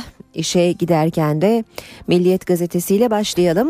E, Milliyet'in sür manşeti İmralı zabıtları diyor. Öcalan'la son görüşmenin içeriğine ilişkin bir özel haber görüyoruz. BDP'li Pervin Buldan, Sırrı Süreyya Önder ve Altantan'ın ziyaretinde PKK'nın çekilme takviminden başkanlık sistemine kadar çok şeyin konuşulduğu ifade ediliyor. Ayrıntılar şöyle yer almış. Çekilme parlamento kararıyla olacak, meclis onaylayacak, hakikat komisyonu kurulacak, köylere dönüş olacak. Bunları yapmazlarsa çekilme olmaz. Süreç başarısız olursa APA öldü diyeceksiniz. Ben yokum. BTP ve PKK'nın beni kullanmasına izin vermem. Ee, bu şekilde yer alıyor Milliyet'in özel haberinde ifadeler. Milliyet'in manşeti ise yıl dönümünde 12. dalga geldi. 28 Şubat soruşturmasının son dalgasında emekli orgeneral Erdal Ceylanoğlu tutuklandı. Aslan Güner'i mahkeme serbest bıraktı. Hürriyet gazetesinde vicdanla çözülür başlığını görüyoruz. Cumhurbaşkanı Abdullah Gül CNN Türk'te katıldığı programda açıklamalar yaptı. Özellikle anayasa konusundaki sözlerini başlıklarda görüyoruz. Cumhurbaşkanı Gül Kürt meselesinde geçmişin bazı yanlışlarının bugün maliyeti ödenmektedir diyerek barış süreci için önemli mesajlar verdi. Geçmişte birçok yanlışlar vardır. Demokratik standartların yükseltilmesiyle bu problemlerin kalkacağına inanıyorum. Vicdan unsuru var bir de. Hepimizin vicdanı olması gerekir. Bu çerçeveden baktığımızda inanıyorum ki sorunları çözebiliriz. Hürriyet'in manşeti Esma Sende annesin. Suriye'de 191 gündür kayıp olan televizyon muhabiri Beşar Fehmi Kadumi'nin eşi Arzu Kadumi, Suriye Devlet Başkanı Beşar Esad'ın eşi Esma Esad'a bu sözlerle seslenmiş. Devam edelim basın özetlerine. Sabah gazetesine bakalım. Cumhurbaşkanı Gül'ün çözüm 1924 Anayasası Sözü sabahın manşetinde. Kürt sorununun Türkiye'nin üniter devlet yapısı içinde çözüleceğini belirten Cumhurbaşkanı Gül, eşit vatandaşlık bu işi rahatlatır dedi. Sabahtan aktardık. Geçelim Cumhuriyet gazetesine. Gülen'in gizli bağları demiş Cumhuriyet manşette. MIT'in meclis komisyonuna gönderdiği belgelerde CIA ve ülkücülerle ilişkileri yer alıyor. MIT'ten darbeleri araştırma komisyonuna gönderilen raporlarda halen Amerika'da bulunan Fethullah Gülen için CIA'nin yan kuruluşu olan Ulusal Demokrasi Vakfı'nın ön ve Orta Asya ayağı olarak işlev görmektedir denildi. Radikal gazetesi var sırada. Radikal'in manşeti ilaç gibi uzlaşma. Krizdeki Rumların umudu mal tazmin komisyonu. Güney Kıbrıs'taki ekonomik kriz Rumların mal tazmin komisyonuna rekor başvuru yapmasına yol açtı. Kuzey Kıbrıs'ta kalan mallar için kurulan ve Rum yönetiminin başvurmayın dediği komisyona son bir ayda 164 Rum vatandaşı başvurdu. 3 yıllık kriz döneminde başvuru sayısı 2600'ü aştı. Kandil'de mektup zirvesi başlığı var. Yine radikalden okuyacağız. Öcalan'ın mektubu Kandil ve Avrupa'ya iletildi. BDP ve Demokratik Toplum Kongresi eş başkanlarıyla İmralı'ya giden Sırrı Süreyya Önder ve Altantan Kandil'de mektup zirvesi yapacak. Avrupa'ya ise Pervin Buldan gidecek demiş Radikal gazetesi haberinde. Vatanla devam ediyoruz. Vatanda eşit vatandaş bu işi çözer e, başlığını manşette görüyoruz. Cumhurbaşkanı Gül Kürt sorunu ve yeni İmralı sürecini değerlendirdi. Önemli açıklamalar yaptı. 1924 Anayasası'ndaki tarif aslında iyi bir tarif. Türkiye'de din ve ırk ayırt edilmeksizin vatandaşlık bakımından herkese Türk denir. Çünkü Türkiye'de farklı olanları tanıyor. Ee, ama maalesef uygulama ters olmuş, iş sıkıntılı hale gelmiş. Eşit vatandaşlık bu işi rahatlatacaktır diyor Cumhurbaşkanı Abdullah Gül. Tankları bakım için yürüttüm. 28 Şubat'ın son dalgasında Sincan'da tankları yürüten Erdal Ceylanoğlu tutuklandı. Ceylanoğlu kendini bu sözlerle savunmuş. Savcı fotoğrafları gösterince önce hatırlayamadım dedi. Sonra ekledi. Güzergahta yol bakımı vardı o yüzden bu yolu seçtim dedi.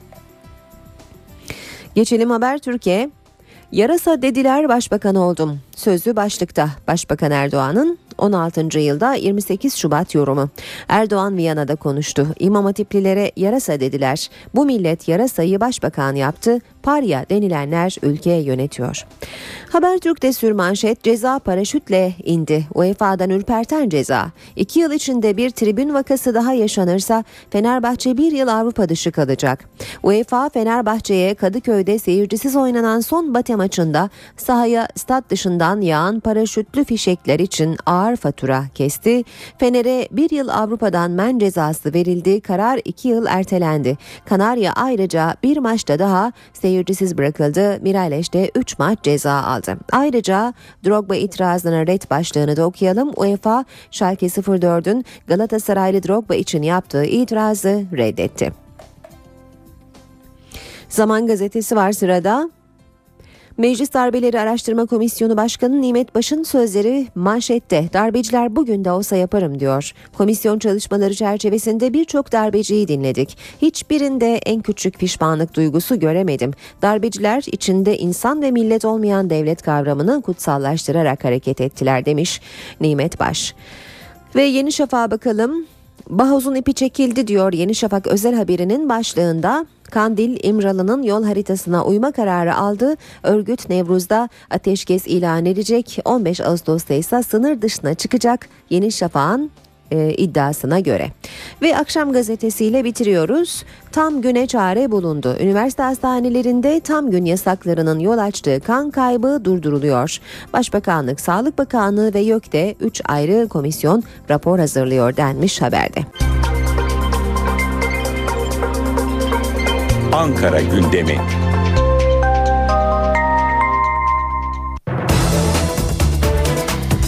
İşe giderken başkentin gündemiyle devam edecek. Bu sabah karşımızda NTV muhabiri Ercan Gürses olacak. Ercan günaydın. Günaydın Aynur. Ee, BDP Öcalan'ın mektuplarının Kandil'e ve Avrupa'ya ulaştırıldığını açıkladı. Ardından da bazı BDP'lilerin müzakere için bu bölgelere gittiği belirtiliyor. Hangi isimler konuşuluyor Ercan? Müzakere için giden isimler için açıkçası eş başkanlar. Yani Gülten Kışanak'la Selahattin Demirtaş bir de DTK eş başkanları var. Ahmet Türk'le Aysel Tuğluk. Tabii Altantan'ın da Kuzey Irak'a gittiği, Erbil'de Süleymaniye'de görüşmelerde bulunacağını özellikle hatırlatalım. Ama BDP'lilerin söylediği mektupları götüren isimlerin farklı isimler olduğu, milletvekilleri olmadığı. Yani dolayısıyla farklı mekanizmalarla o mektuplar ulaştırıldı. İşin en başından anlatmak gerekirse bu Öcalan'ın yazdığı mektuplar hem Avrupa kanadına hem Kandil'e hem de BDP'ye ulaştırıldı. Şimdi 10 gün içerisinde o mektuplara cevap bekliyor Öcalan. Ve o cevaplar da yine BDP heyeti tarafından İmralı'ya götürülecek. Şu an itibariyle hükümet Öcalan'ın, Öcalan'a atfen yayınlanan, bugün de gazetelerde yayınlanan tutanakların evet. doğrudan muhatabı olduğunu düşünmüyor. Bunların tamamen ortaya çıkmasını, kendi iç tartışmalarını bitirmesini cevapların da itirazların da gelmesini bekliyor Aynur. Evet yani yine e, baştaki sorumuza dönecek olursak e, mektupları ulaştıran kişilerin milletvekili olmadığını biliyoruz ancak isimler de gizli tutuluyor. İsimler gizli tutuluyor. Farklı mekanizmalar Evet, diyorlar. evet. Bunu deşifre etmek istemiyorlar. Onu da özellikle vurgulamak lazım tabii. E, günün bir diğer önemli ayağı bugünün 28 Şubat olması. Yani 28 Şubat'ın 16. yıl dönümü bugün. E, bir gün önce, yıl dönümüne bir gün önce dün e, soruşturmada yeni bir dalga olmuştu. E, nedir son durum soruşturmada? Bunu da senden dinleyelim. Soruşturmada son durum iki eski generalin tutuklanması. Bunlar da Kara Kuvvetleri Komutanı düzeyine kadar çıkmış Erdal Ceylanoğlu. Çok önemli bir isim. Başbakan Recep Tayyip Erdoğan döneminde de mesai sarf etmiş bir isim. Yine aynı şekilde Aslan Güner. E, Aslan Güner'i de kamuoyu e, şuradan tanıyor.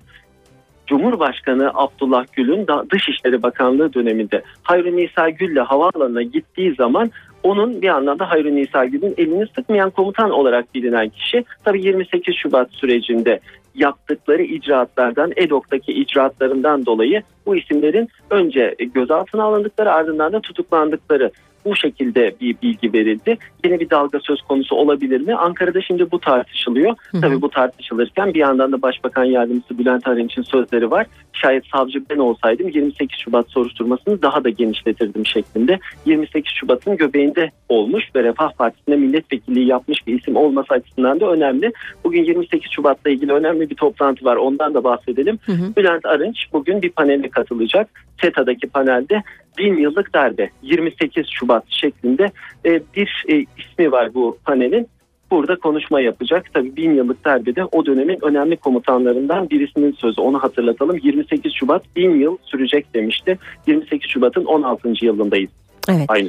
Peki bugün başka neler olacak? Gündemi de senden alalım Ercan. Ee, Bugün mecliste e, gündem başlıkları var ama öncelikle İmralı süreci dedik. İmralı süreciyle ilgili bir ayrıntıdan söz etmek lazım. Cumhurbaşkanı Abdullah Gül bugün MİT Müsteşarı Hakan Fidan'la görüşüyor. Normalde rutin bir görüşme ama MİT'in biliyorsunuz İmralı sürecinde aktif rol oynaması ve bu sürece en hakim devlet kurumu olması bu görüşmenin önemini artırıyor. CHP lideri Kemal Kılıçdaroğlu'nun bugün Alman Sosyal Demokrat Parti lideriyle bir randevusu var. Meclis Genel Kurulu'nda bugün 2B yasa tasarısı görüşülecek ki orman vasfını yitirmiş arazilerin satışını düzenleyen yasa tasarısı uzun süredir bekleniyordu. Bakanların programları var. Avrupa Birliği Bakanı Egemen Bağış Avrupa Birliği ve Türkiye konulu bir briefing verecek. Meclis Dışişleri Komisyonu'na verecek. Ulaştırma Bakanı Binali Yıldırım'ın güncel gelişmelerle ilgili bugün bir değerlendirme yapması bekleniyor. Yine aynı şekilde Çalışma Bakanı Faruk Çelik'in de iş güvenliği konulu bir toplantıda konuşacağını özellikle hatırlatmak lazım. Başkentin gündem başlıkları bunlar tabii ki e, mecliste muhalefetin basın toplantıları olacak. Grup başkan vekilleri CHP'den Muharrem İnce, MHP'den Oktay Vural bugün kamuoyuna görüşlerini açıklayacaklar. Ay. Ercan Gürses teşekkür ediyoruz. Kolay gelsin. Şimdi üç büyük şehrin trafik notlarına bakacağız. İstanbul'da yağış olduğu için kimi yerlerde trafik olağanüstü e, bir yoğunlukta seyrediyor. Köprülerle başlayalım aktarmaya. Anadolu Avrupa geçişinde Fatih Sultan Mehmet Köprüsü'nde yoğunluk koz yatağında başlayıp köprü girişine kadar devam ediyor. Ters yönde ise Etiler katılımı itibarıyla yoğunluk var. Boğaziçi Köprüsü Anadolu Avrupa geçiş yoğunluğu Çamlıca'dan itibaren kendisini hissettiriyor. Köprü ortasında yerini rahat bir trafiğe bırakıyor. Ters yönde ise Mecidiyeköy'de başlayıp köprü çıkışında sona eriyor yoğunluk. D100'de Hacı Şerif Avcılar yönünde kalan bir e, araç var ve trafik e, akışını yoğunlaştırıyor bu arızalı araç. Devam edelim Anadolu yakasıyla. Köprü yönünde Maltepe Kavşağı itibarıyla e, Bostancı'ya kadar yoğun bir trafik olduğunu görüyoruz. E, kısa bir süre açılsa da Koz Yatağı'na yaklaşırken yeniden yoğunlaşıyor. Ters yönde Koz Yatağı Bostancı arası yine yoğun seyrediyor. Kartal Kavşağı'nın da artık rutin bir yoğunluğa sahip olduğunu söyleyelim. Avrupa yakasına geçelim. Tem otoyolunda köprü e, yönünde Özellikle Karayolları Mahallesi itibarıyla yoğunlaşan bir trafik var. Maslak Kavşağı arasında e, trafik çok yavaş ilerliyor. Edirne istikametinde Gazi Osman Paşa'dan itibaren başlayıp Tekstil Kent'e kadar uzanan yoğun bir trafik olduğunu söyleyelim. D100'de ise Çoban Çeşme itibarıyla yoğunluk başlıyor ve Haliç'e kadar uzanıyor. Devamında ise Ok Meydanı'nda yeniden yoğun bir e, seyir olduğunu gözlüyoruz. E, Bahçeli evlerden itibaren de Çoban Çeşme'ye gidinceye kadar sürücülerin e, zorluk yaşayacağını ifade edelim. E, ayrıca Avcılar Küçükçekmece arasında da trafiğin seyri oldukça yavaş. Geçelim Ankara'ya. Ankara'da e, yoğunluğun özellikle Cinnah Caddesi'nde e, etkili olduğunu söyleyelim. Cinnah Atatürk Bulvarı arasında e, seyir hızı 25 kilometre ve varış süresi 15 dakika. Yıldız Esat arası seyir hızı 29 e, kilometre. Varış hızı 17 dakika Anadolu Bulvarı Keçiören Kavşağı arasında seyir hızı 40 kilometre ve e, varış süresi 12 dakika. Atatürk Orman Çiftliği Gençlik Parkı arası 40 kilometre hızla 11 dakikada. Keçiören Anadolu Bulvarı arası ise 43 kilometre hızla 14 dakikada alınabilir. İzmir'de Alsancak İzmir Çevre Yolu arasında seyir hızı 47 kilometre, varış süresi 10 dakika. Konaktan Üçkuyulara 36 kilometre hızla 10 dakikada, Mavişehir'den Konağa 40 kilometre hızla 22 dakikada ulaşabilirsiniz.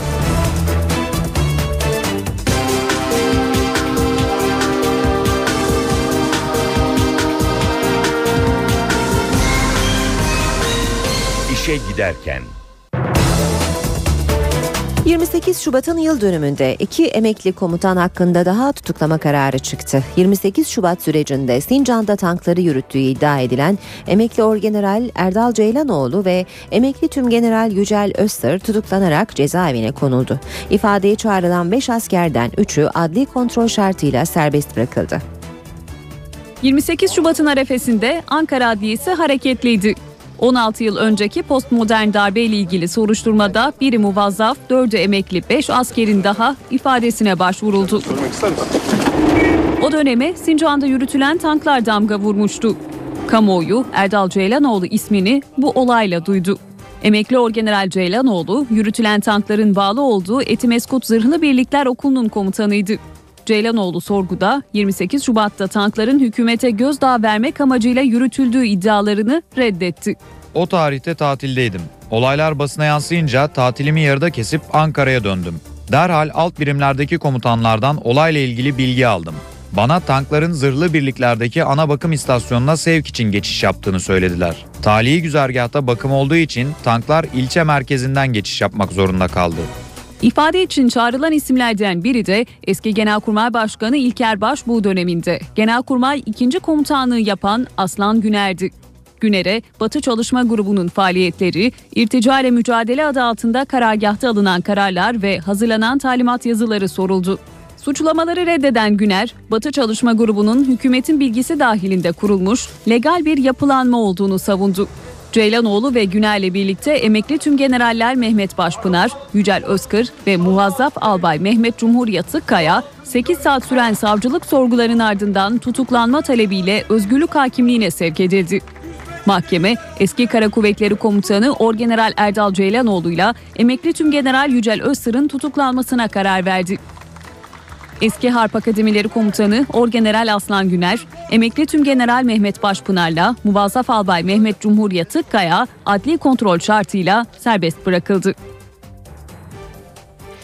Balyoz davasının dosyası Yargıtay'a ulaştı. 324 mahkumun dosyaları 1045 klasörden oluşuyor. Başsavcılık dosya incelemesinin kısa sürede tamamlanması için 10 savcıdan oluşan bir ekip kurdu. Yargıtay Cumhuriyet Başsavcılığı dosyayı inceleyecek, ardından görüş belirterek ilgili ceza dairesine iletecek. Yargıtay incelemesinin duruşmalı yapılması ihtimali de var. Sanıkların davanın dijital delillerinin sahte olduğu, usul ihlalleri yapıldığı ve yeterince savunma hakkı tanınmadığı gibi itirazları bulunuyor. 21 ay süren balyoz davası 5 ay önce karara bağlandı. 324 sanığa darbeye eksik teşebbüsten 13 yıldan 20 yıla kadar hapis cezası verildi. İzmir'de 88 kişinin tutuklu yargılandığı askeri belge bulundurma davasında 6 sanık tahliye edildi. 5'i muvazzaf asker 6 tutuklu sanığın talebini değerlendiren 12. Ağır Ceza Mahkemesi tahliyelerine karar verdi. Örgüt üyesi olma ve devletin güvenliğine ilişkin belgeleri temin etme suçundan yargılanan 79 sanıksa tutuklu yargılanacak. İddianamede yer alan 357 sanık hakkında 2 yıldan müebbete kadar hapis cezaları isteniyor. Sanıklar arasında devlet memuru, asker ve MİT mensupları da bulunuyor. İstanbul'da emekli binbaşı Gökhan Aykan aracında ölü bulundu. İlk incelemede 62 yaşındaki Aykan'ın başına bir el ateş edildiği tespit edildi. Maltepe Ferhat Paşa yolu üzerindeki hurdalık alanda aracın içinde bir kişiyi kanlar içinde gören vatandaşlar polise haber verdi. İncelemede sürücü koltuğundaki kişinin emekli binbaşı Gökhan Aykan olduğu, başına bir el ateş edildiği tespit edildi. Olayın intihar olup olmadığı araştırılıyor. Aykan'ın cesedi Kartal Eğitim ve Araştırma Hastanesi morguna kaldırıldı.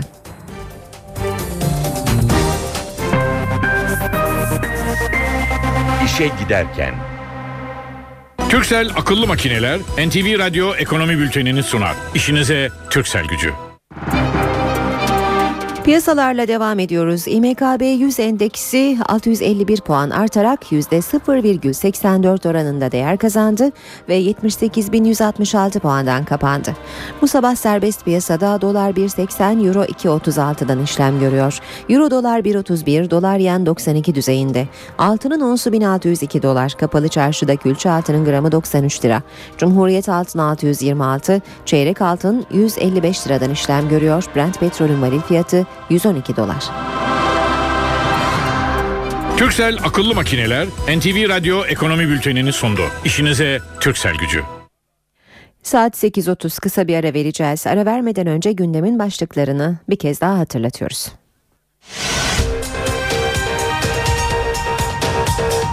BDP eş başkanı Selahattin Demirtaş Öcalan'ın mektuplarının Kandil ve Avrupa'ya ulaştırıldığını söyledi.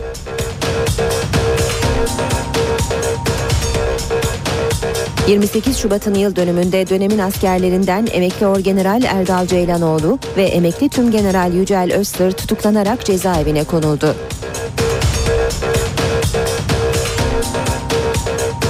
...28 Şubat sürecini değerlendiren Başbakan Erdoğan... ...İmam Hatiplilere yarasa dediler... ...şimdi halk o yarasayı başbakan yaptı ifadesini kullandı.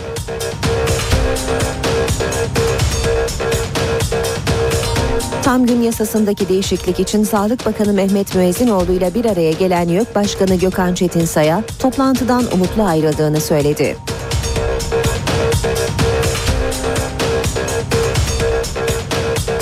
İki hafta önce istifa kararını açıklayan Papa 16. Benedikt bugün görevinden ayrılıyor.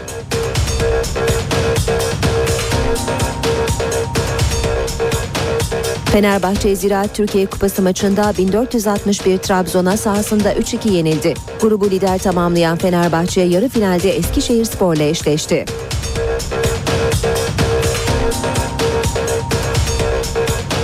UEFA Bate Borisov maçındaki olaylar nedeniyle Fenerbahçe'ye bir maç seyircisiz oynama cezası verdi.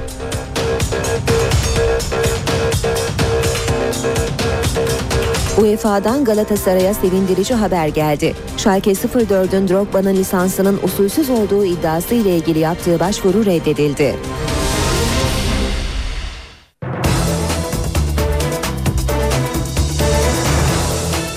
Saat 8.35 işe giderken de gündemin ayrıntılarını paylaşmaya devam ediyoruz.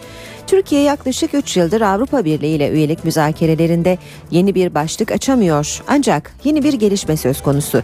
Brüksel yeni bir faslın açılması için gerekli kriterlere onay verdi.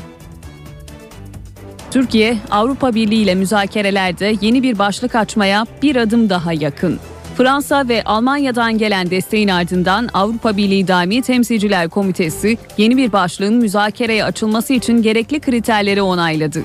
Onay kararını duyuran Avrupa Birliği Komisyonu'nun genişlemeden sorumlu üyesi Stefan Füle oldu. Füle Twitter hesabından yaptığı açıklamada Türkiye'nin bölgesel politika ve yapısal araçların koordinasyonu faslını açmaya bir adım daha yaklaştığını duyurdu. Gözler şimdi üye ülkelere çevrildi. Yeni fasılda müzakerelerin başlaması için üye ülkelerin nihai onayı gerekiyor. Onay alınması durumunda Türkiye'nin Brüksel'le müzakerelerde açtığı toplam fasıl sayısı 14'e yükselecek. Suriye'nin dostları toplantısına katılmak için İtalya'nın başkenti Roma'da bulunan Ahmet Davutoğlu Suriye muhalefet lideriyle görüştü. Dışişleri Bakanı'nın NATO Genel Sekreteri Rasmussen'le yaptığı görüşmede de ağırlıklı gündem Suriye'ydi. Dışişleri Bakanı Ahmet Davutoğlu Roma'da yapılacak Suriye'nin dostları toplantısına saatler kala Suriye Ulusal Koalisyonu lideri Muazel Hatip'le bir araya geldi. Davutoğlu'nun katıldığı otelin lobisinde yapılan görüşmeye Katar Başbakanı Hamad bin Casim El Tani de katıldı. Üçlü görüşmede Suriye'nin dostları toplantısında ele alınacak konular üzerinde durulduğu belirtildi. Ahmet Davutoğlu NATO Genel Sekreteri Anders Fogh Rasmussen'le de görüştü. Görüşmede Suriye, Türkiye'ye yerleştirilen patriotlar ve Rasmussen'in Türkiye'ye yapmayı planladığı ziyaret ele alındı. Dışişleri Bakanı Davutoğlu, Rasmussen görüşmesinin ardından İtalya Dışişleri Bakanlığı tarafından verilen akşam yemeğine katıldı. 34 ülke temsilcisinin bulunduğu yemeğe katılanlar arasında Amerika Birleşik Devletleri'nin yeni Dışişleri Bakanı John Kerry de vardı. Gün içerisinde Vatikan'ı gezen Davutoğlu gazetecilere Papa 16. Benedikt'in istifasını değerlendirdi. Hepimiz için sürpriz oldu Papa'nın istifası çünkü papalık makamında genelde istifa kurumu yok bir istisna hariç. Ee, çok eski, e, önceden e, olan bir istisnai durum hariçine e, bir e, bu istifa ile birlikte önemli bir e, değişim süreci yaşanıyor Vatikan içinde. Davutoğlu İslamofobiye karşı Müslümanlarla yakın işbirliği içinde olacak bir papa seçilmesini ümit ettiğini söyledi. Papa 16. Benedikt bugün görevini bırakıyor. Dün son kez Katoliklere hitap etti Papa. Papa'nın konuşmasında Tanrı'ya sitem vardı. Papa'nın istifası bu akşam 8'de yürürlüğe girecek. Koltuğunu bırakmaya hazırlanan Papa 16. Benedikt, Vatikan'daki Aziz Petrus Meydanı'nda son vaazını verdi. Papa'yı son kez görebilmek için on binlerce kişi meydanı doldurdu. Önce halkı selamlayan Papa, ardından da duygusal bir konuşma yaptı. Kilisenin iyiliği için görevi bıraktım dedi. Quando il 19 aprile ti questo 2005'te Papa seçildiğinde Tanrı'ya beni niye seçtin? Bu omuzlarıma yüklediğin çok büyük bir yük. Ama istersen kabul edeceğim. Eminim ki bütün zayıflığıma rağmen bana rehberlik edeceksin dedim. Son yıllarda kilisenin sevinç içinde geçen zamanları da oldu. Kolay geçmeyen anları da. Bu dönemde su çok dalgalı, rüzgar tersten esti. Belki de Tanrı o an uyuyor gibiydi. Papa'nın konuşmasında sık sık alkış ve sevgi gösterisi vardı. 16. Benedikt'in istifası Perşembe günü akşam 8'de yürürlüğe girecek. Kardinaller Konseyi'nin Mart ayı içinde yeni papayı seçmesi bekleniyor. 98 yıl sonra istifa eden ilk papa olan Benedikt'in 2 ay papalığın yazlık rezidansında kaldıktan sonra Vatikan'da bir manastırda inzivaya çekileceği belirtiliyor. İtalya'daki genel seçimlerin sonuçları Avrupa'da yankı bulmaya devam ediyor. Son olarak Almanya'nın Sosyal Demokrat Başbakan adayı seçimleri iki palyaçonun kazandığı yorumunu yaptı. Berlusconi ve komedyen Grillo hakkında yapılan bu yorum İtalyan Cumhurbaşkanı kızdırdı. İtalyan seçimlerini iki palyaçonun kazanması karşısında dehşete düştüm. Almanya'da ana muhalefetteki sosyal demokratların başbakan adayı Peer Steinbrück ifadesinde bu sözlerle İtalya'yı kızdıran bir gafa imza attı. Peer Steinbrück seçimde beklenenden fazla oy alan Berlusconi ve komedyen Beppe Grillo'ya gönderme yaptı. Silvio Berlusconi için testosteron seviyesi tavan yapmış palyaço dediği ortaya çıktı. Alman Başbakan adayının sözlerine İtalya'nın tepkisi gecikmedi. Berlin'i ziyaret eden Cumhurbaşkanı Giorgio Napolitano, Steinbrück'le olan akşam yemeği görüşmesini iptal etti. Başbakan Merkel'in lideri olduğu Hristiyan Demokratlar da Steinbrück'ün yaptığı gafı eleştirdi.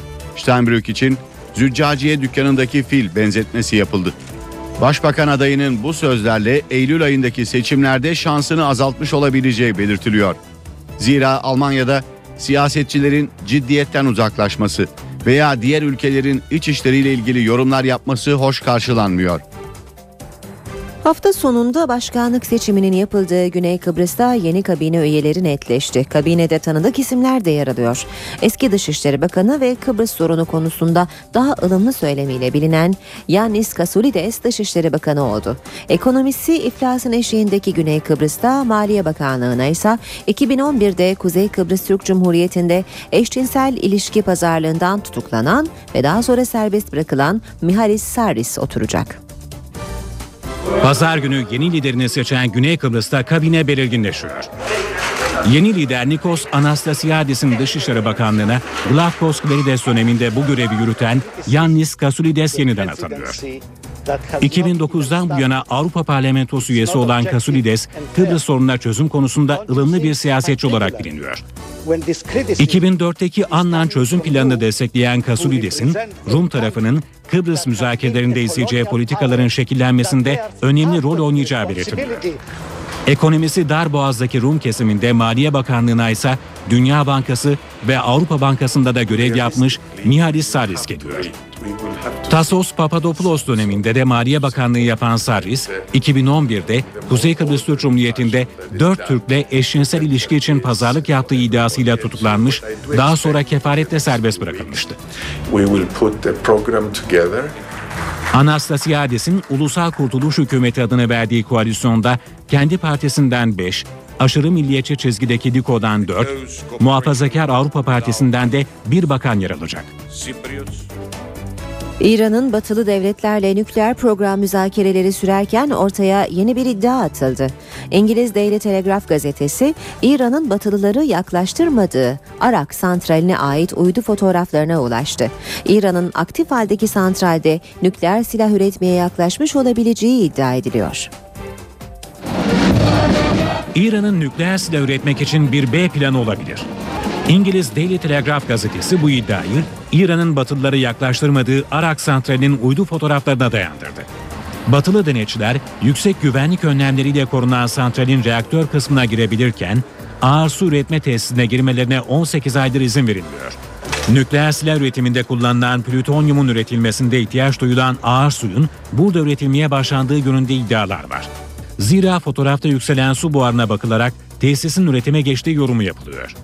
İran'ın bu tesiste nükleer silah üretimine başlaması için hala geliştirmesi gereken birkaç teknoloji daha var. Ancak bu teknolojilerin Kuzey Kore'den alınması durumunda süreç hızlanabilir. Bu sırada İran'ın Arak santralinin tam kapasite çalışmasına izin vermemek için elinden geleni yapabileceği belirtiliyor. Bu sırada İsrail'in Arak santralinin tam kapasite çalışmasına izin vermemek için elinden geleni yapabileceği belirtiliyor.